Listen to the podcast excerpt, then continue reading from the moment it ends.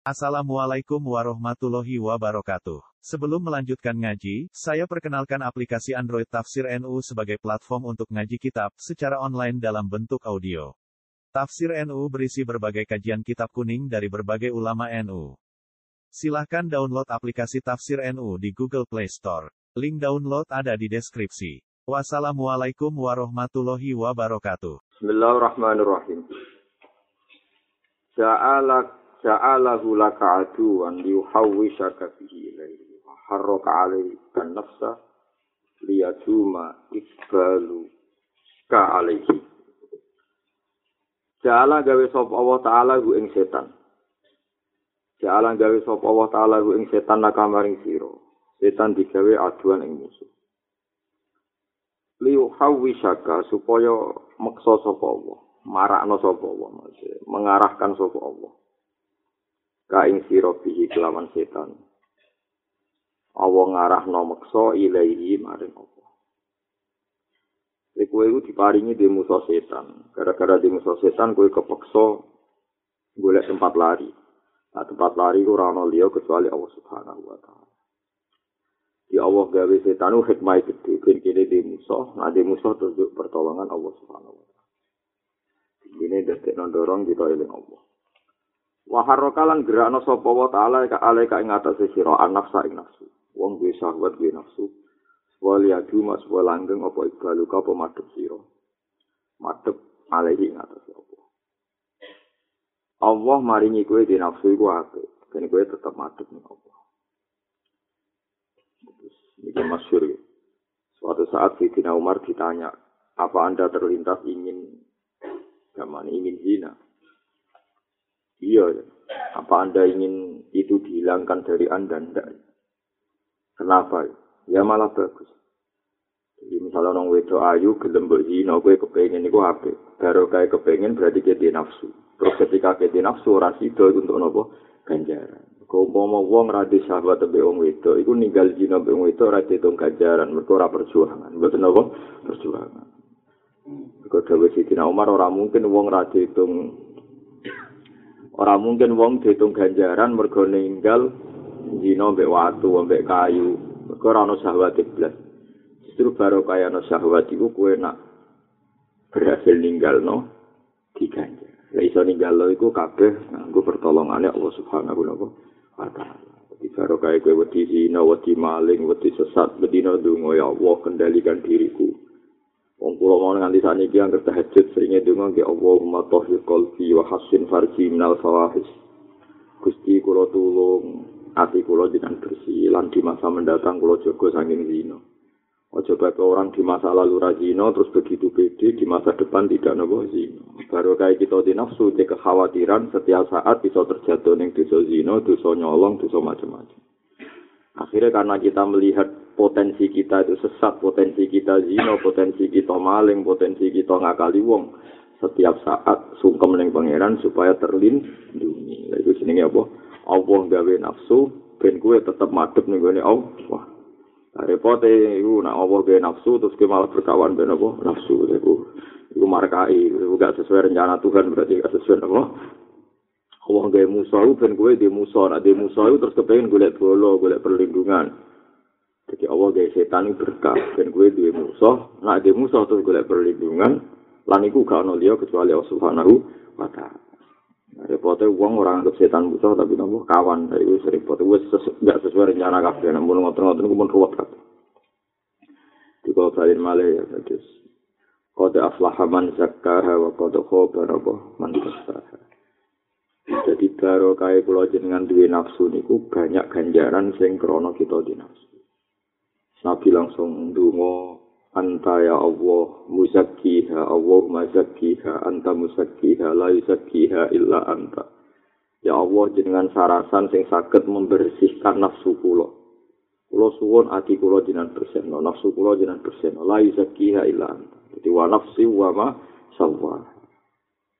Ya terus qad aflaha man zakkaha wa qad khaba Nabi langsung ndonga napa? Allahumma zakkiha la yuzakiha illa anta. Jadi wonten tiyang dadi wali kuwi baru kaya nafsu kata-kata ya baru kaya nafsu masyhur tengene hati sohan. wonten tiyang terjebak teng gua. Terjebak teng gua tertutup waktu. Tiga orang itu bersepakat ayo berdoa dengan amal terbaik yang Anda ingat. Lha iku sing sitok eling di wong tua loro di rumah nganti dene pas njupuk susu, pas wong tuane lesu turu di baro anak-anake nangis. Ora dikei susu karena ndak ingin susunya diminum anaknya mengalahkan orang nopo tua. Orang tuane tangi diumbe. Fanfarojat. Batu itu sebagian langser. Terus yang kedua dungo saya ini punya karyawan duwe gaji pedet cara Indonesia ini pedet. Hari itu karyawan kula niku lunga ilang ora asal usule ngantos 10 tahun nopo pinten. Bareng 10 tahun teko pedet iku wis di anak di putu. Jumlahe pun puluhan, pun kuatas. Bareng karyawan kula teko, ak ini hak aku kei hakku. Pikirane karyawan isih pedet, jebule pedet sak anake sak putune dikekno kabeh. Kamu jangan menghina saya jadi karyawan. Enggak, ini milik kamu dan ini anak putu ini spek kabeh jeneng dan ini lahir saka WM. Dan itu karyawan kula Gusti dibendet kabeh ora muni matur nuwun kula ya ora dikai iblis. Lha semanten kula ikhlas. Lha iki dadi amal saleh. Lah sing ketiga iki ya tiru tapi bagus itu. Sing ketiga wae elek tenan. Kula niku duwe tangga. Wayune ra karwan suweneng. Tak rayu puluhan tahun ora gelem. Tak rayu tahunan boten purun. Bareng wae padhet klek. tarayu bek dhuwit patang dinar cara saiki mes 10 juta purut pas gede kula zina kula tumpaki ndekne ngelingno aja geman buka tutup tanpa hak. Kula langsung mlayu gak sida dhuwit tetep tak kene jadi baru kayak gak sida zina padahal posisi mun ngoten diangkat dadi wali.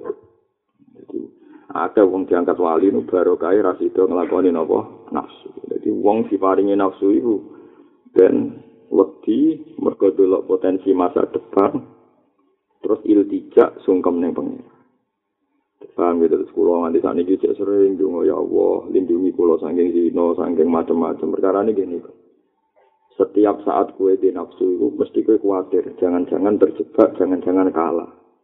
Karena semua itu orang orang kecuali kayak balik nih kekuatannya Allah Subhanahu wa ta'ala. Nanti Rasulullah ngajari wong nak berwudu cek kantongan apa Allah ma tahir qalbi wa hasin farji minal fawahis.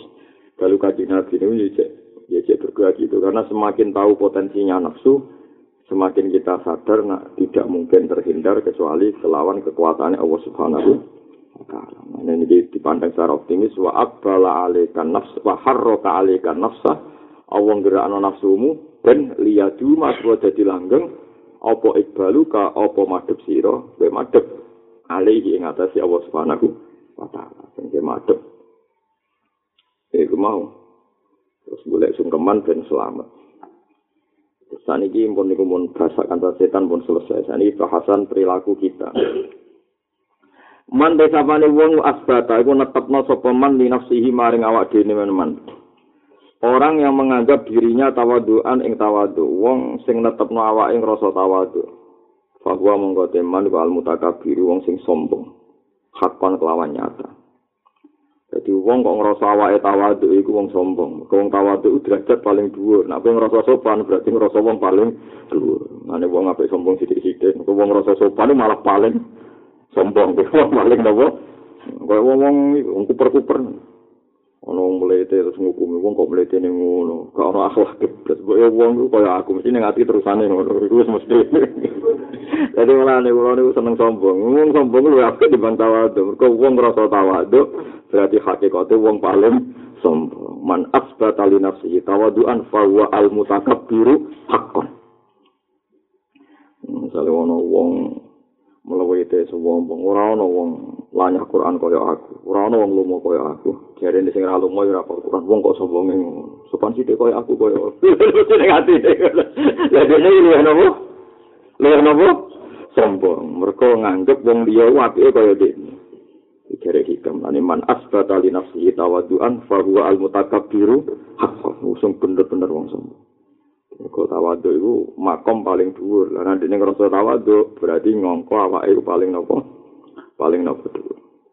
Nah kecuali ngeten niku saged nglawan tawaduk. Kalau cerita sing nyata-nyata sang gawe sahabat-sahabat. Umar itu kan Amirul Mukminin, dia sangat sukses. Fatahal Amsor, dia bisa menaklukkan beberapa kota. pernah terlintas di hatinya tuh bahwa saya ini khalifah paling sukses.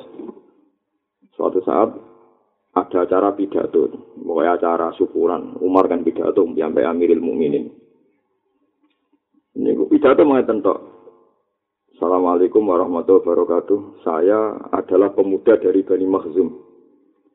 Kecil saya, iku buruh ning bulikku, khol iku bulik. Gara-gara aku ora iso mangan, sebek bulikku buruh kon menek kurma, tiap anu tiga kurma sitok.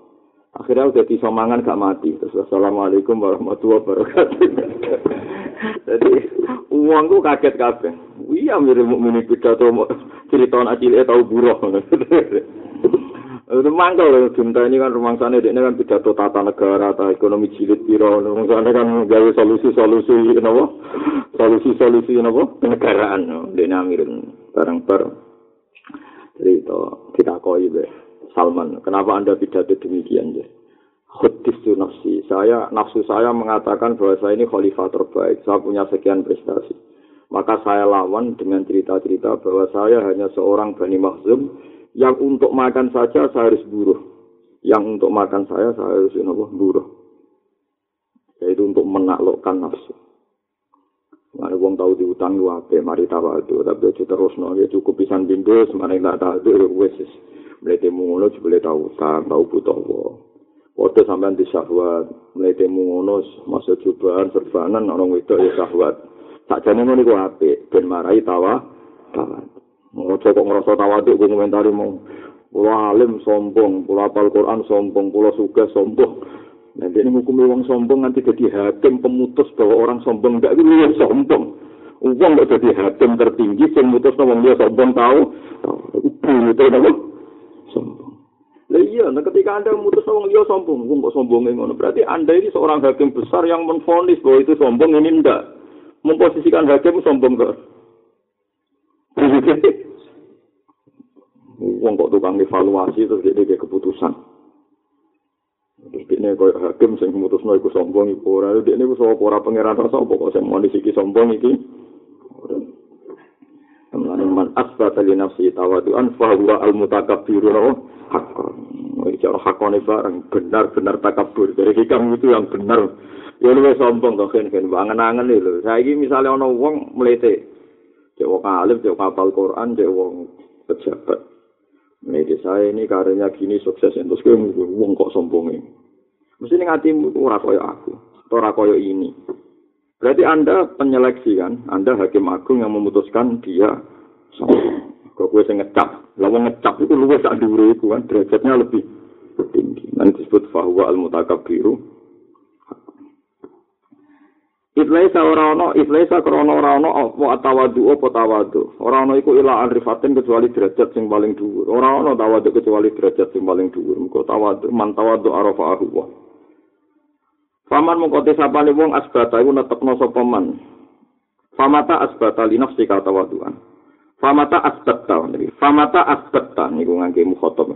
Famata asbata niku ta'e ta'e asbata di idhamno ning ta'e ta mukhatab. Famata asbatta, mongko semangsane netepno sira li nafsi kamaring awak dhewe sira. Kowe netepno tawadu aning tawadu.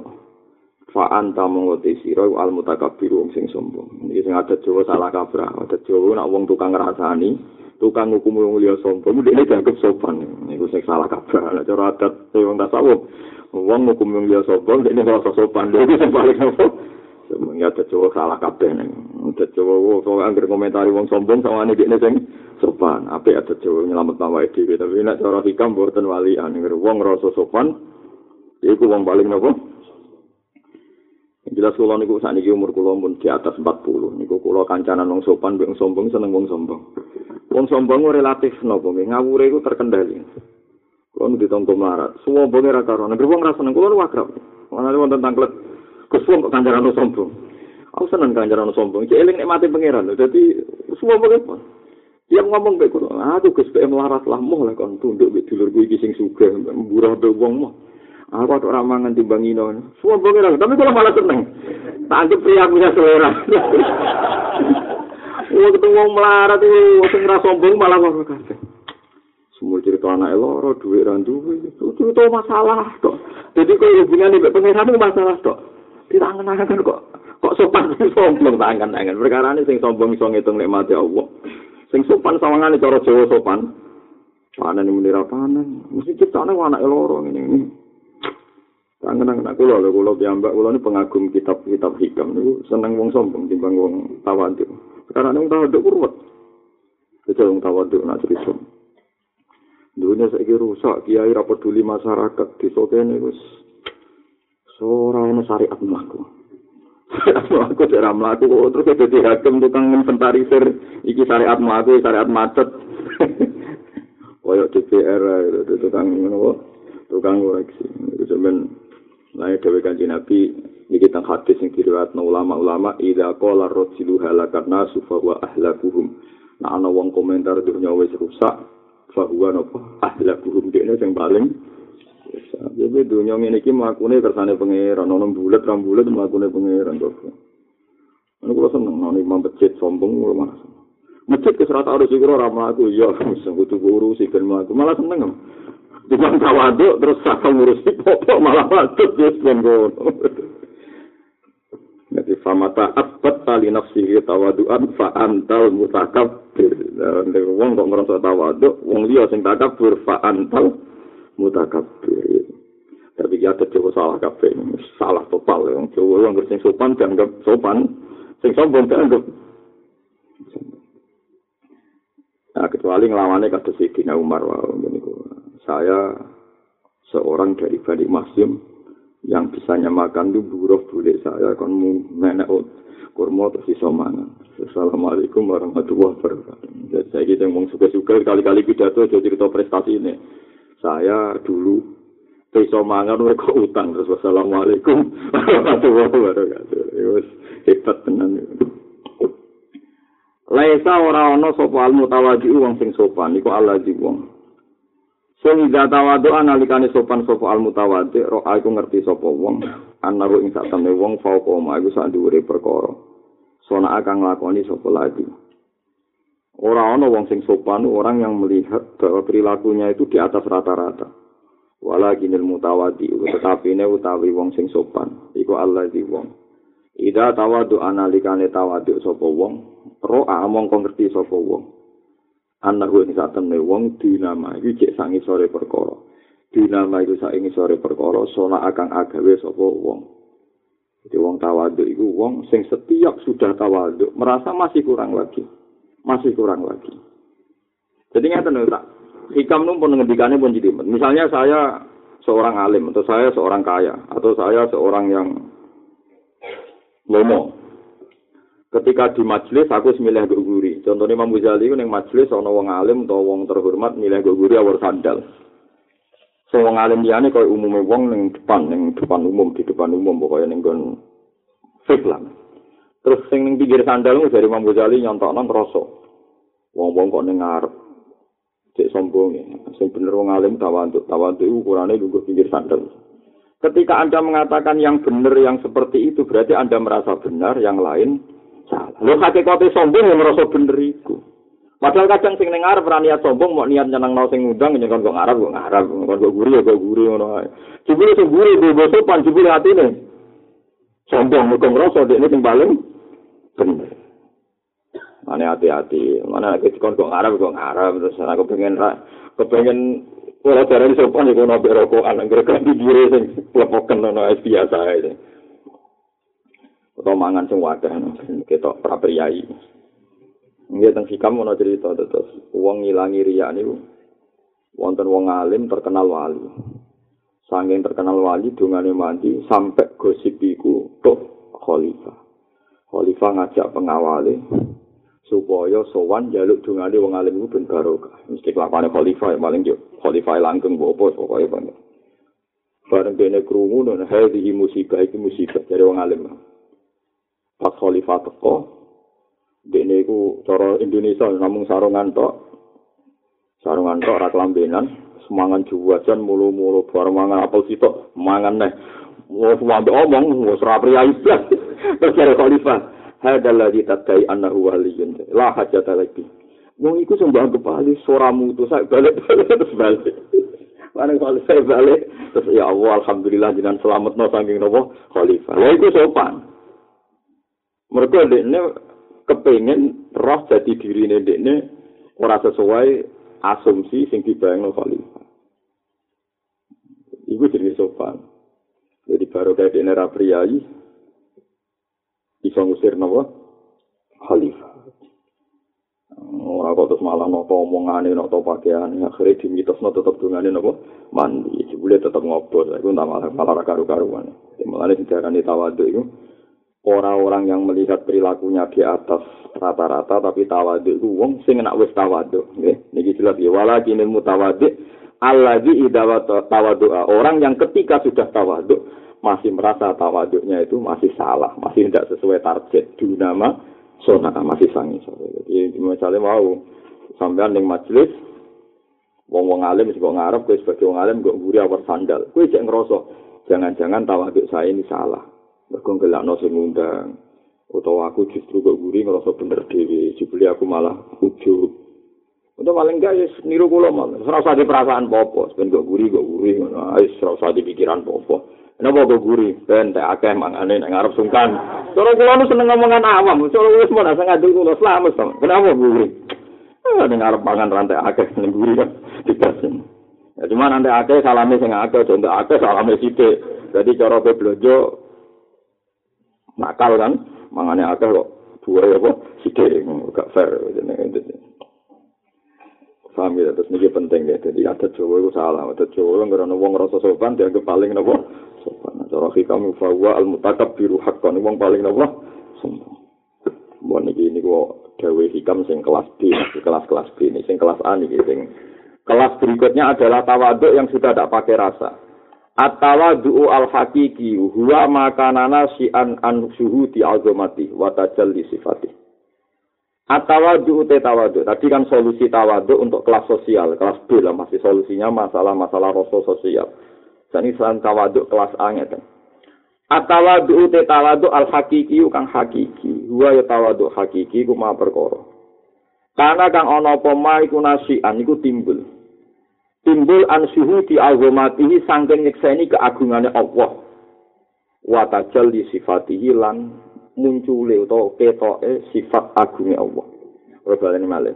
Atawadu te tawadu al hakiki kang hakiki, wa ya atawadu hakiki kuma perkara.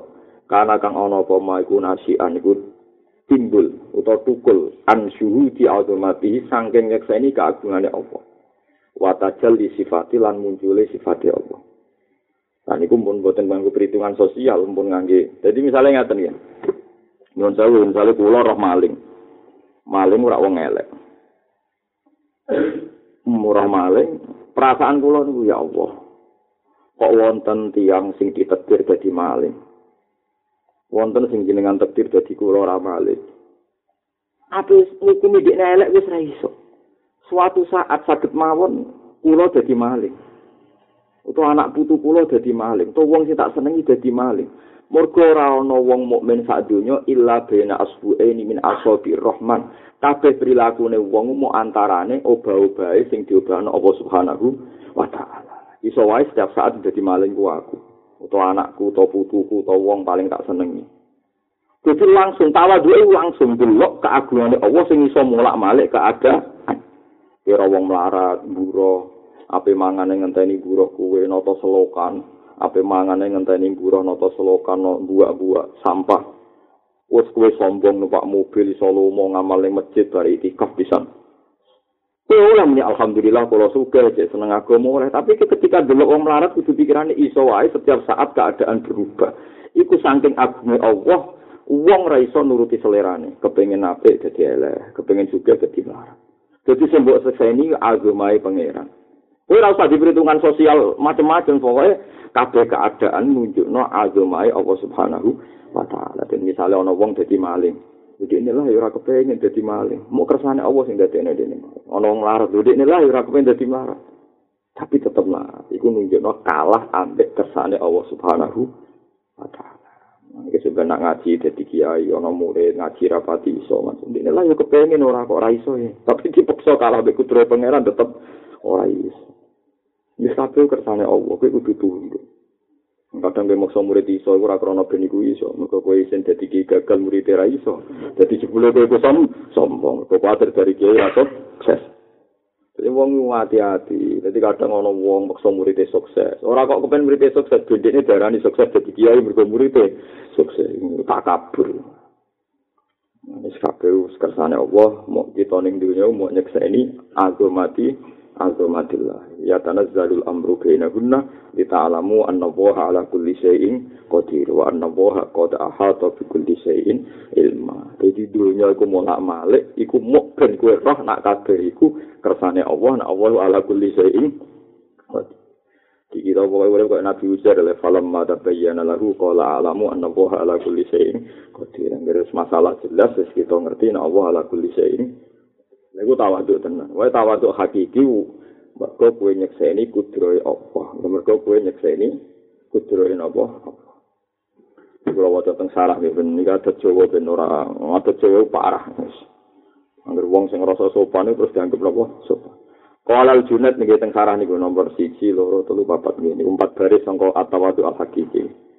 Nggih 4 baris sangka atawadu al hakiki 1 2 3 4. Kuala Junet mun kembali. Contoh nih dalam kurung atawadu al hakiki ini sampai garis empat ya satu dua tiga empat. Mohon kembali kalau junet nih. Mohon ya. Kalau junet radhiyallahu anhu. Atawadu inta ahli tauhidi takaburun. Atawadu tekang aran sopan tawadu inta ahli tauhidi menurut ahli tauhid itu takaburun. Itu jenenge sombong. Jadi sing ngerasa tawadu, itu ngerasa bener dhewe itu kenapa? Sombong. Jadi Imam Junet sing ngendikan, Qala Syekh Muhammad radhiyallahu anhu wala Allah muradahu anal mutawaddi ayusfitu nafsahu summa yadauha wal muwahhid la yusfitu nafsah wala yaruha syai'an hatta yadu'aha aw yarfa'aha. Iki makom papan atas oh sing wau kan kula mau ngomong niku kelas B ini sing kelas A.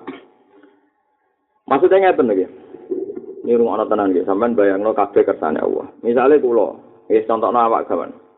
Kula delok koruptor koruptor terus wong kok ngurusi duit negara wong kok elek ngono. Kemudian dia merasa sopan alhamdulillah aku dilindungi. Songko jadi koruptor songko jadi maling.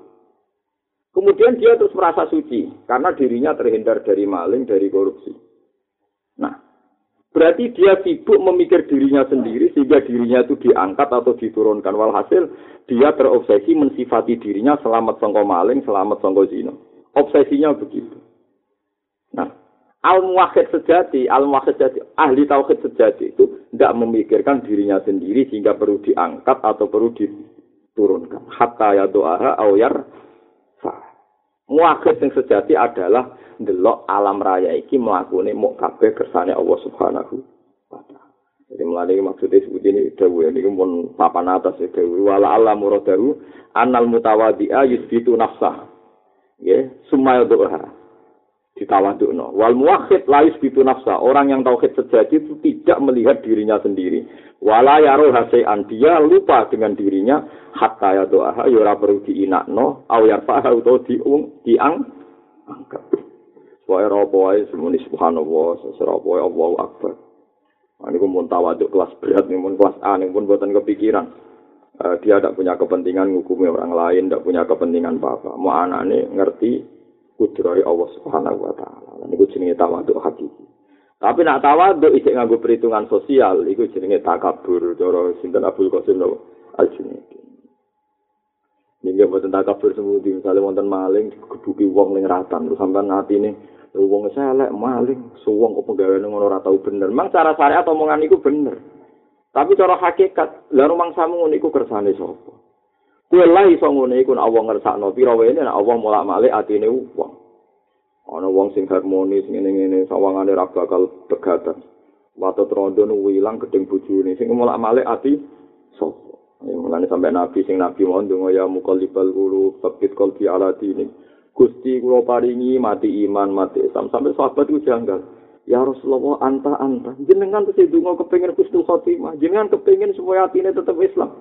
Padahal jenengan nabi sing mimpin sak donya dawe nabi wa ma yuminuni wa qalbu mukmin bina asbu'aini min asofi rahman sing iso ngrasa aman saka pangeran sapa iso wae mulak malik ati saiki aku ra iman Akhirnya kiai sak dunya dengan apa ya mukalibal kulub, sabit kolbi ala dini. Jadi yo sing rasa. Kalau di konco ini cerita nyata, ini dari kiai Tuhannya kenteng, lihat dia kenteng. Bareng sepuluh tahun kiai tetap melarat, tetap ruwet. Pulau ada janggal itu. Jebul kalau kalku ada gunanya tau orang. Tahu tetap nopo, tetap nopo melarat. Ini kalau jajah ini nak bener segi makai, rasa duha, rasa kopi, rasa badia, sholat fardu tok. Bariku ngamun di bangku sholat buat kompensasi ada jadi duit selera dia. Ya perkara ini ngoten niku, kita iku ora roh. Kita iku ora roh sing dikersano apa. Mulane iki ilmu hikam wis ilmu kelas berat tenan. Dadi mutawati hakiki wis sing ora roh awake. Ya ora perlu didekno, ya ora perlu diang anane mau nyekseni kudure Allah Subhanahu wa taala. Wa qala Dunnun al-Misri radhiyallahu anhu. Ini teng syarat sih. Man arada tawadu'a falyuwajjih nafsahu ila azamatillah fa innaha tazubu wa tasfarru. Man desapane wong arada ngersakno sapa man atawadu ing tawadu. Wong sing kepengin tawadu wis gampang falyuwajjih. Mongko madhepno sapa man nafsahu ing awake dhewe man diadepno ila azamatillahi maring keagungane Allah. Nah, fainaha mengko sak temene nafsu iku tajubu iso leleh apa nafsu wa taswaru lan dadi cilik apa nafsu. Yang wong eling keagungane Allah iku tawaduk dhewe. Sale ke alim eling ilmu iku kok pangeran. Wis uga dunya kok pangeran tuntas ya. Waman disapani wong nazara iku ningali sapa man ila sultanillahi taala maning kerajaan Allah taala. Ya mongko ilang apa sultanu nafsihi apa kerajaannya awak dhewe ini. Misale ke suga di karyawan sewu. Melete lah iso ngatur wong sewu. Di santri sewu iso melete didang-diding ngongkon santri sewu. Tapi kagreling iku kabeh kerajaane Allah. Kuwi bagian saka karyawan padha dengan mereka tuntas wis tawaduk dhewe. Oh, ora mari iku milik gue, iku anak santri gue, anani ya iku santriku, iku anak buah, iku kabeh kerajaane Allah. Kowe melok bagian dari kerajaan. Nek sebab wong sing kepen tawaduk seperti dewe niki fal yuwajjih napa seperti man nazara ila sultanillah zahaba sultanu napa nafs. Wong angger eling kerajaan Allah mesti eling ilang kerajaan Allah. Nek rasa delo iki santri iku iki muridku iki anak buah kok anak buah buah ya wis foto wae kabeh.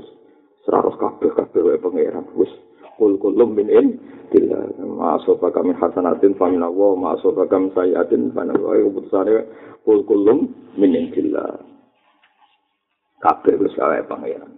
Semalane kaji nabi diambal niku mboten wani Nabi sebagai kekasih Allah itu nabi, nabi yang menuso kadang-kadang kepengen intervensi pangeran. Wong sing disenengi kepengen Islam kata Sabi Tolib. Sing diguwedingi dipasutno nabi kepingine entuk laknat rupane wahsi mergo mata ini wong paling dikekasihi Kanjeng Nabi. Ini mata ini saya sinten Hamzah. Tapi kanjeng Nabi ketika nyuwun sewu intervensi pangeran malah untuk wahyu, laisa laka minal amri syai'un aw yatuba alaihim aw yu'adzib. Ora iso masing pangeran iku aku. Masih kekasihku, iku urusanku. Malah wolak-walik nggih. Abu Thalib cara lahir niku hidayate angel. Wahsi sing tau mateni Hamzah dipari itu hidayah. Cara nuruti kecewa kecewa. Tapi Nabi kekasih pangeran itu wis ditampa. Ya nambah menyontok ngoten. Tapi ini nak kiai ra siap. Kadang santri sing mbok senengi ora dadi wong, sing ora pati cocok dadi wong. Macam kiai ora pangeran yo Lah kiai kiai senengane maksud no sore di pasut ora dadi wong, itu seneng dadi wong ora mesti pangeran kok warai. Ya, contoh gampang nabi, nabi maksud no sinten? Wasi. Sing kok hidayat sinten? Wah. Kaya apa nabi sayang Abu Thalib? Tapi ngoten iku nasib Abu Thalib cara lahir ke Abu Thalib inna kala tahdi man ahbabta walakin nawa yahdi. Maya. Saya semua Soalnya kan ada murid itu santri di anak buah itu iku ya melok bagian dari kerajaan Allah. Lah aku ketua satpam ngono ae semua dadi rasa plete-plete dadi kan ada karyawan sewu. Iku ya bagian kerajaan Allah. Lah kok majikannya? Ya mesti ana secara teori manajemen kudu ana ketuane satpam. Foto lagi aku ya ketuane. Jadi Paham ya, terus ini tawaduk sing hakiki, wis pokoknya nazar ila sultanillah, mesti berhaba sultanu napa nafsi. Li anna nufusa krana sak temne pira-pira nafsu kula has kabehane nufus hakiratun iku dadi ino inta heibati ana ing sanding wibawane pangeran. Wa min asrafi tawadu Allah yang zuro ila nafsi duna wahi ta'ala lan iki. Wa min asrafi tawadu ilan iku setengah sangking mulya mulyane sifat tawadu Allah yang juro ing ento ora ningali sapa wong ila nafsihi maring awak dhewe ne wong diunawahi ora kok nglibatno Allah Subhanahu wa taala. Dadi tawaduk paling dhuwur iku kowe ora usah delok. Misale kono kecopet digebuki, kowe ora usah mikir, alhamdulillah aku selamat. Wis ora usah mikir kowe selamat ta ora, pokoke kabeh kersane Allah kowe ora usah intervensi. Iso wae sing saiki digebuki sok ben dadi wali husnul khotimah. Sing saiki sing gebuki sawangane sok suci, iso wae sok ben dadi tukang maling suul khotimah. Ora ono sing enak soal gue, tapi ini menegakkan syariat ya, syariat ora ya ras pokoknya ngene iku. Misalnya si nyolong pacaran bu kebuki tau ora. Iku mergo kaya ana wong nyolong plus kira kenal. Jadi ngeten kula warai iki. Orang yang sok syariat itu pasti diuji Tuhan ketika yang tersangka itu saudara Anda atau anak Anda atau pacar Anda. Di global ini malah. Nabi Ibrahim mulai melaku-melaku teng alam malakut. Cerita ini ada di kitab hikam ini, kitab ini sekarang. Ketika dijak melaku-melaku pangeran teng alam malakut, ono wong sing berdamai di sini. Ibrahim ditanya Allah, menurut kamu gimana? Gitu? Bunuh saja ya Allah, mereka di bumi Anda, di bumi engkau, makan rezeki engkau, tapi sini. Dipateni ya Allah. Sono coba, sono maling, semuanya dituruti pangeran dipateni. Suatu saat Nabi Ibrahim kan nyembelih Nabi Sinten Ismail. Hei, Ismail sembelih. Dipikir Bu Ibrahim. Hada samrotu fuadi ini buah hati saya. Kenapa jenengan kan nyembelih? Allah tersinggung. Him, ketika kue usul, aku sing nakal tak kon mata tak mata aku ramikir kita kongkon kok. Mikir. Tapi ini mergi anakku. Lha iku sing kon mata ini ya kaulah aku sing gawe aku. Masa mau gak loro.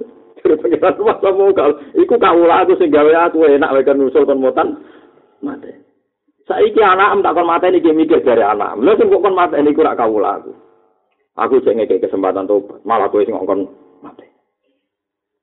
Foto saiki ngoten. Saiki ana copet kira kenal Mbok Jotosi. Saiki misalnya copet itu santrimu, utawa muridem, utawa wong tau ngutangi kowe. Kowe kan ora terus di semangat negakno syariat. Mergo ana rasane, mergo keluar. Mun kulo bolak-balik nyontokno, sing ora usah isin, menungso di nafsu. Itu di pembantu elek mecano gelas, mecano piring mesti buamu. Pembantu rata hati giyok loh, mecano gelas. Mereka mesti salah itu lho, mecano gelas sampai elek. Itu mesti salah lho. Itu di pembantu, wayu, gue seneng. Terus mecano gelas, mesti. Wes mecano kabeh apa mesti kan mereka. Nah itu bukti ketika anda munamuni negak no syariat ini mereka plus gak kenal, plus gak kenal. Ya ono cawe itu numpak GL Pro atau numpak Ninja, kuatok ancokak ngalor ngidul melayu. Mana iso wong ora saya Tapi nak cai ayu seneng kue, kue ya seneng. Gusti rahmate jalan jembar. Ora usah munafik. Padha kliru, ini padha buka aurat teng dalan, sitok jare dilaknati, sitok jare rahmat Allah. Jembar piye sing jembar piye sing sumpah Tetep nasumu iku ono intervensi. Dak sithik-sithik menawa tegakno apa? Sari ilmu sepiro.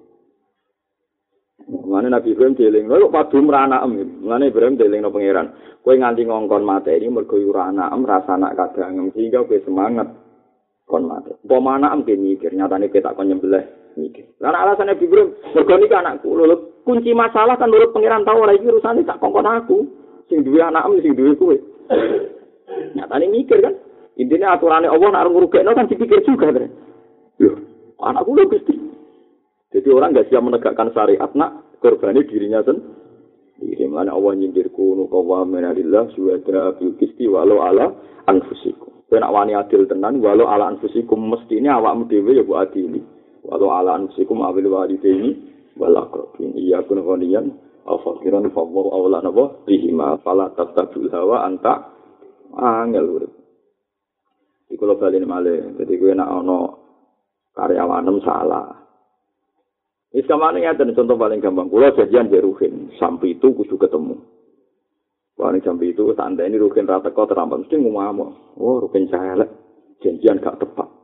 Mesti salah Ruhin kulo, gak tepat plus aku ora diutang Ruhin.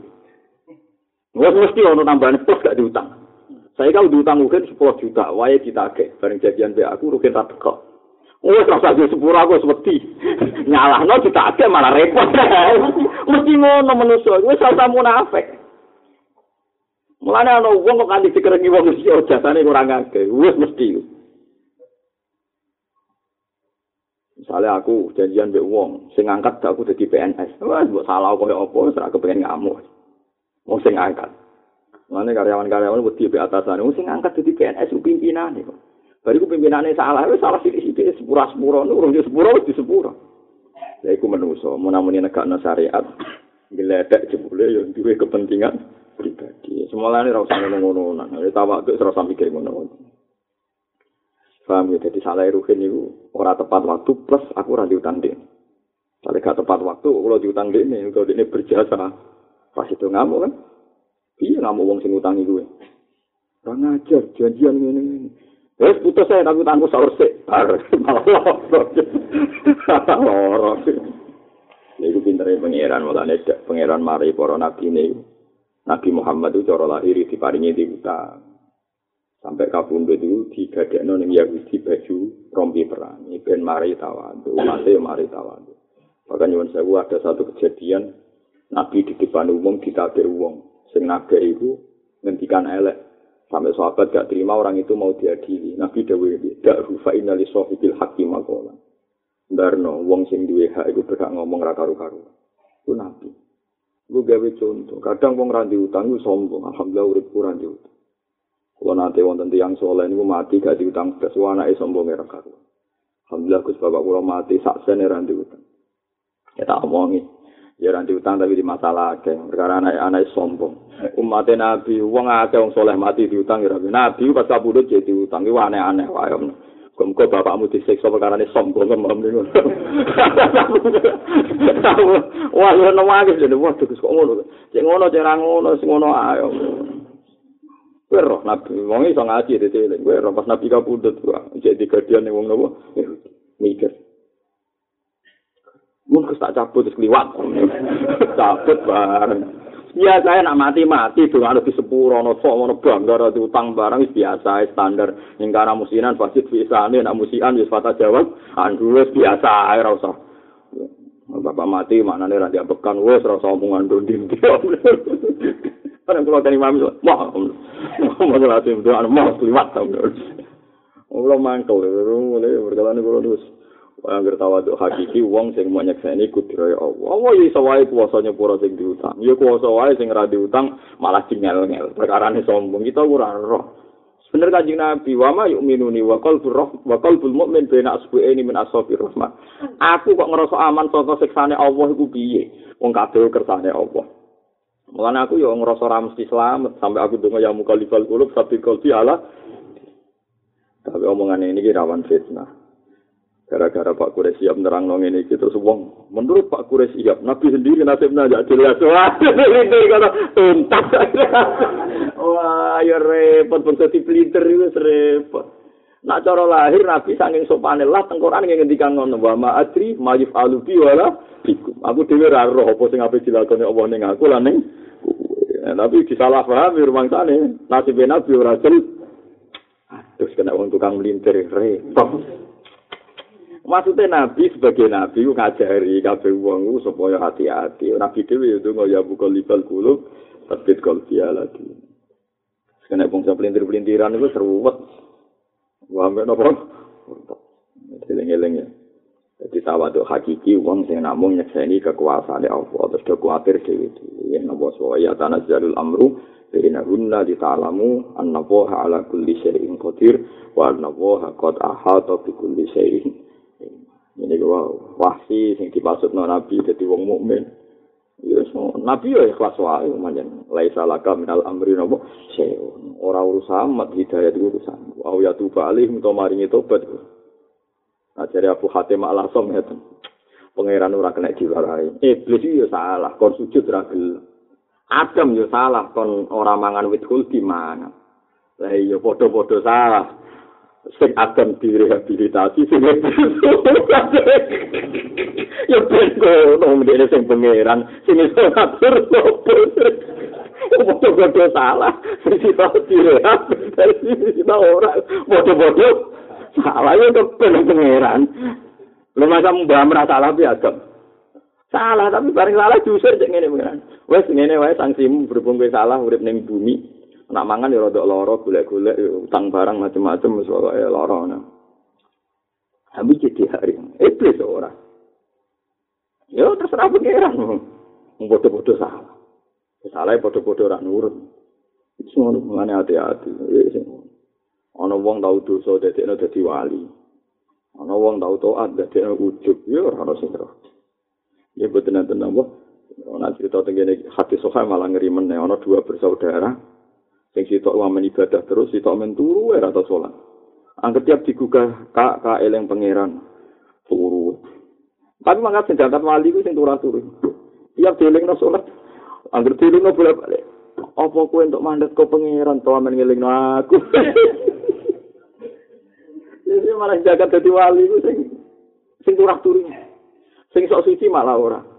Perkara ini pangeran tersinggung, mandat itu dicatut. Perkara ini wong kok nyatet namanya pangeran sini-sini. Nah cerita itu ora serem. Paling serem tentang hadis muslim, wonten tiang sujud, tidak preman. Tidak preman, terus preman wau, ya preman tenan. Sing sujud wau, sumpah, wawahi, orang seperti anda tidak akan dimaafkan Allah. Muni wawahi, semari salam, muni wawahi. Pangeran ngutus ning Nabi saat itu. Ini hadis Muslim, sampean golek itu bab ujung. Bilang ke orang yang sujud itu, dosanya preman tak ampuni, dosanya dia, amalnya dia tidak saya terima.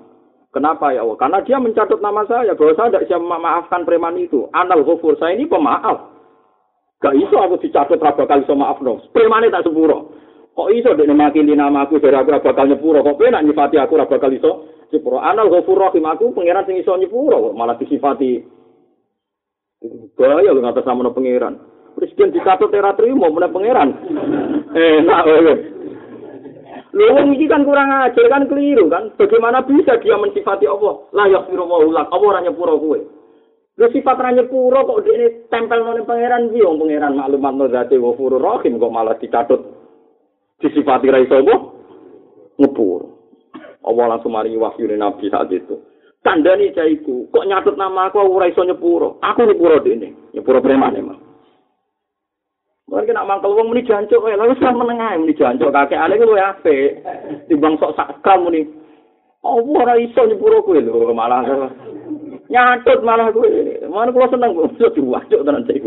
Apik lah ringan. Netral bahasa.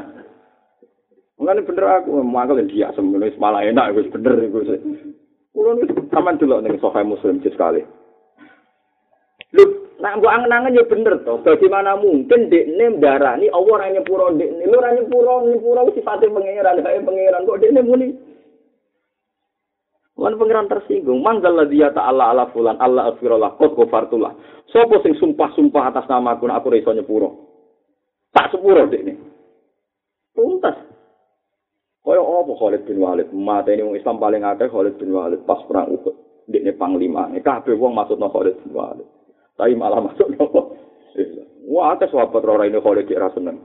Mana Khalid prestasinya akeh lah ora masuk kandidat khalifah. Wong cek mangkel. Dari bapakku bakri kancane. Mlebu nominasi wae ora. Itu be Umar, dia mantan preman lah kan gak menangi perang dia. Dia masuk Islam sebelum periode hijrah. Jadi korbannya lah tahu deh, orang Islam lah tahu jadi korban itu mana korbannya Khalid. Wah, ada dari Khalid. Aku soleh lah, serah bakal masuk nominasi apa? Khalid mau bisa mangkel. Memiku kotil abu semati ini bapakku, semati ini kancaku. Mulane kula nu kiai sing jarang ngalem Khalid, mergo kula ngerti sahabat iki gelo kathah. Mulane kula jarang dikato cerita prestasine Khalid sing ketemu. perang Uhud itu orang Islam kalah, itu panglimanya orang kafir tuh. Ada benar. Itu itu menaruh orang ini itu seirik pasti mata ini kis mata ini tapi dia tidak Islam. Mulanya Khalifah itu kandidat Khalifah. Mulanya Umar itu pas dia ini jadi Khalifah, Khalifah dipecat sama Panglima. Ketakoi. Kenapa gue pecat? Wes tak menengah. Ketakoi. Karena orang Islam sih gak berkenan, itu aja. Tapi pangeran. wong kafir wis kafir mateni wong Islam berarti sebab kekalane Islam ning perang Uhud malah diparingi tidak piye ora iso ngatas poni pangeran Khalid ra bakal disepuro wong kok tersinggung lho sing pangeran kuwi tak Semalane nara cocok muni janjo yang ini mesti dengan terus. Ini kakek kayak aneh itu sedeng ora kok kalau ngajari jancuk timbang mbok empet dadi udun wis salah pokoknya sing penting ngono ngomongan terus ora nyatut pangeran paham ya wis soe ngono syukur-syukur wis ora usah mending ngono syukur-syukur ya. Tapi abot biasane niku. Gak lego gak lego. Sanut pangeran la yuhibbu wa jahra bisu imnal qawli ilaman pangeran ge kisna ilamang dolim dadi ana sahabat dipsoi jancuk terus sahabate males jancuk disalahno wong akeh dari pangeran ora apa-apa.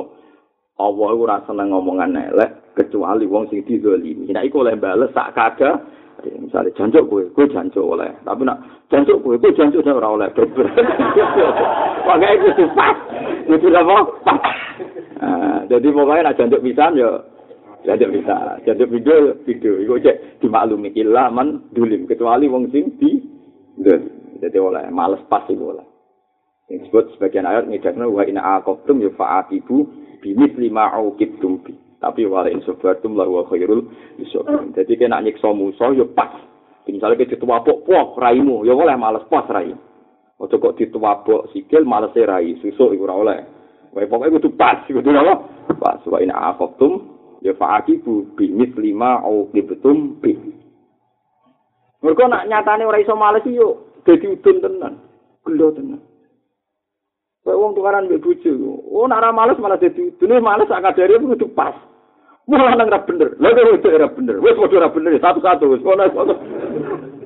Ojo kok ngono. Lah kok itu ora bener. Ora bener anake ngene sing iso wah susuk akeh. Bahaya. Ora oleh, ora oleh, berarti oleh. Paham ya kudu pas nama kudu apa? Ojo nyatut pangeran, ojo kemen nyatut.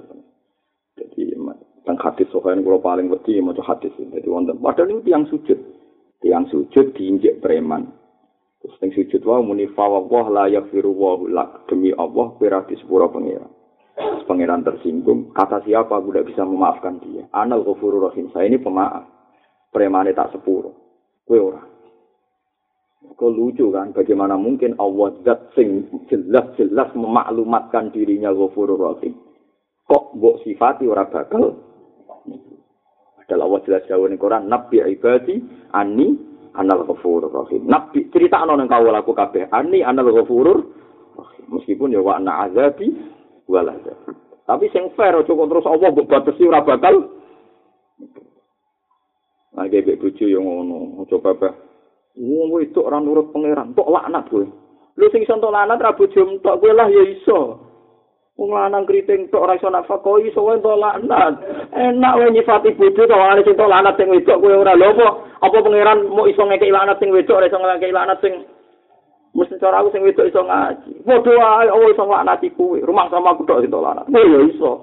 Padha bodoh iso dik. Wah, nang ana istighfar bareng ben kan malah rumah sama pangeran iso senengane wong lanang dalil wong wedok dijak sing lanang ora gelem dilaknati malaikat ganti esuk. Iku wis bulan. enak once ada batas sing nganti esuk lah wong lanang pas untuk lanat di wengi ora ada batas iku ta lanat terbatas nganti apa esuk bar esuk kan wis bar ya wong lanang ra napa koi dino wengi malah untuk apa Mungkin jadi kiai yang nggak ada maksud no santrimu. Walat aku ora bakal ilmu memanfaat. Lu sing iso lah manfaat ora santrimu tok. Kowe langsung ditegir ilmu gak manfaat blok goblok. Penak jadi kiai kok Fir'aun kaya-kaya santri ini seorang manfaat nah dia mesti pangeran itu pangeran yang sesuai ilmu bisa manfaat tak kiai ini. Orang usah ngono, iki kabeh kerajaan pangeran, kerajaan Buam, kerajaan Buyutem. Gue yo eling kerajaan pangeran ben wong kerajaannya sendiri Iya. Mana rata-rata kiai ngalim mboten ate bakas ngoten. Ceritani murid di prestasi yang menek, ceritani prestasi murid nakal yang menek, kabeh. Gusti ra melok-melok. Ben ngono wae jenengan kulus kulum yen en jelas bagian ayat kulillah sumazarhum fi khawdihim. Ya la funis ben kabeh Allah? Ning ge donga sing wis wae donga lah. Sing bener diparingi hidayat sing salah diparingi hidayat koyo ora ono apa-apa la yukhrijuka anil wasfi illa syuhudul wasfi. La yukhrijuka sampai ngetokno ka ing sira. Anil wasfi sanging siji sifat apa sing ora oleh ngetokno illa syuhudul wasfi kecuali nyekseni sifat Allah sing liya. Ya jogeman keluar dari satu sifat kecuali mergo nyekseni sifat Allah sing liya. Jadi mau misalnya kue yakin Allah nglaknati Zaid, perkara ini Zaid maksiat. Kue ya kudu yakin Allah ya duwe sifat ghafur sing iso ngeluarkan Zaid sangka lak sangka napa lak. Saiki kue untuk baru kayak Allah, kue ya kudu hati-hati soalnya suatu saat untuk laknate Allah. Muga fala ya manu makrawahi illal qaumul khasirun. Sing rasa aman sangka rekadayane Allah ku kaum-kaum sing. Jadi kue aja terlalu pede, nak terlalu pede berarti kue aman sangka makruwah. Tapi kaya aja terlalu putus asa lan mutus asa no wong. Mergo putus asa lan mutus asa no wong iku perilaku dia tiang-tiang kafir. Inna hulai asumir rauhillah ilal qaumul kafir. Mane ngendika kaji Nabi iki hadis itu terkenal. Gila niku mau kuf tengah ali. Dawe Nabi Dawe Sayyidina Ali utawi dawe Nabi didawakan ala unab dihukum bil fakih kulal fakih. Dia tak cerita no wong sing pinter bener-bener pinter. Sinten ya Rasulullah. Sing pinter bener-bener pinter. Ini ku malam yubnitin nas min rahmatillah walam yu'amminhum min mak.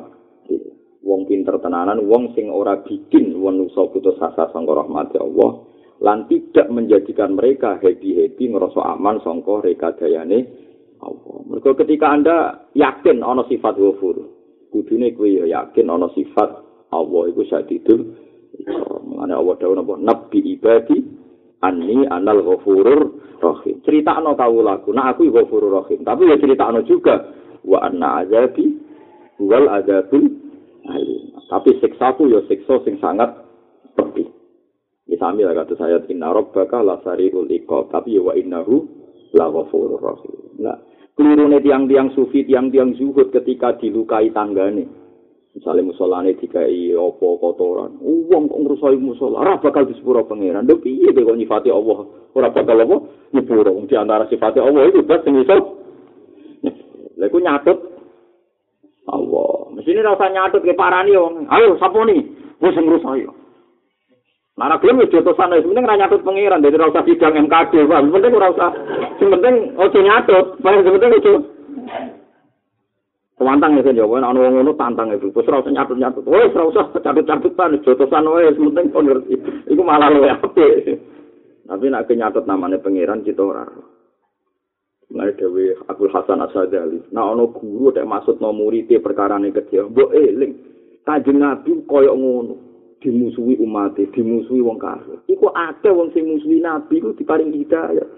Kok terima musuhi mursyid, mbok cap ora bakal untuk hidayah. Mursyid iku sapa jare? Surah Hasan apa? Asad. Saya kan lucu, wong muslim mursyid mesti kualat. Lalu musuhi nabi sing hidayah tak bilang-bilang.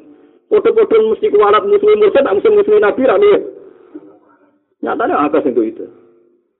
Eling kowe al maksumul akbar dari Abdul Hasan Hasan. Eling kowe al maksumul akbar iku wong-wong sing misuwi akeh sing itu ya. Kok kowe timo mursid timo guru ke kere ra karo. Jadi sing coba itu Abdul Hasan Hasan.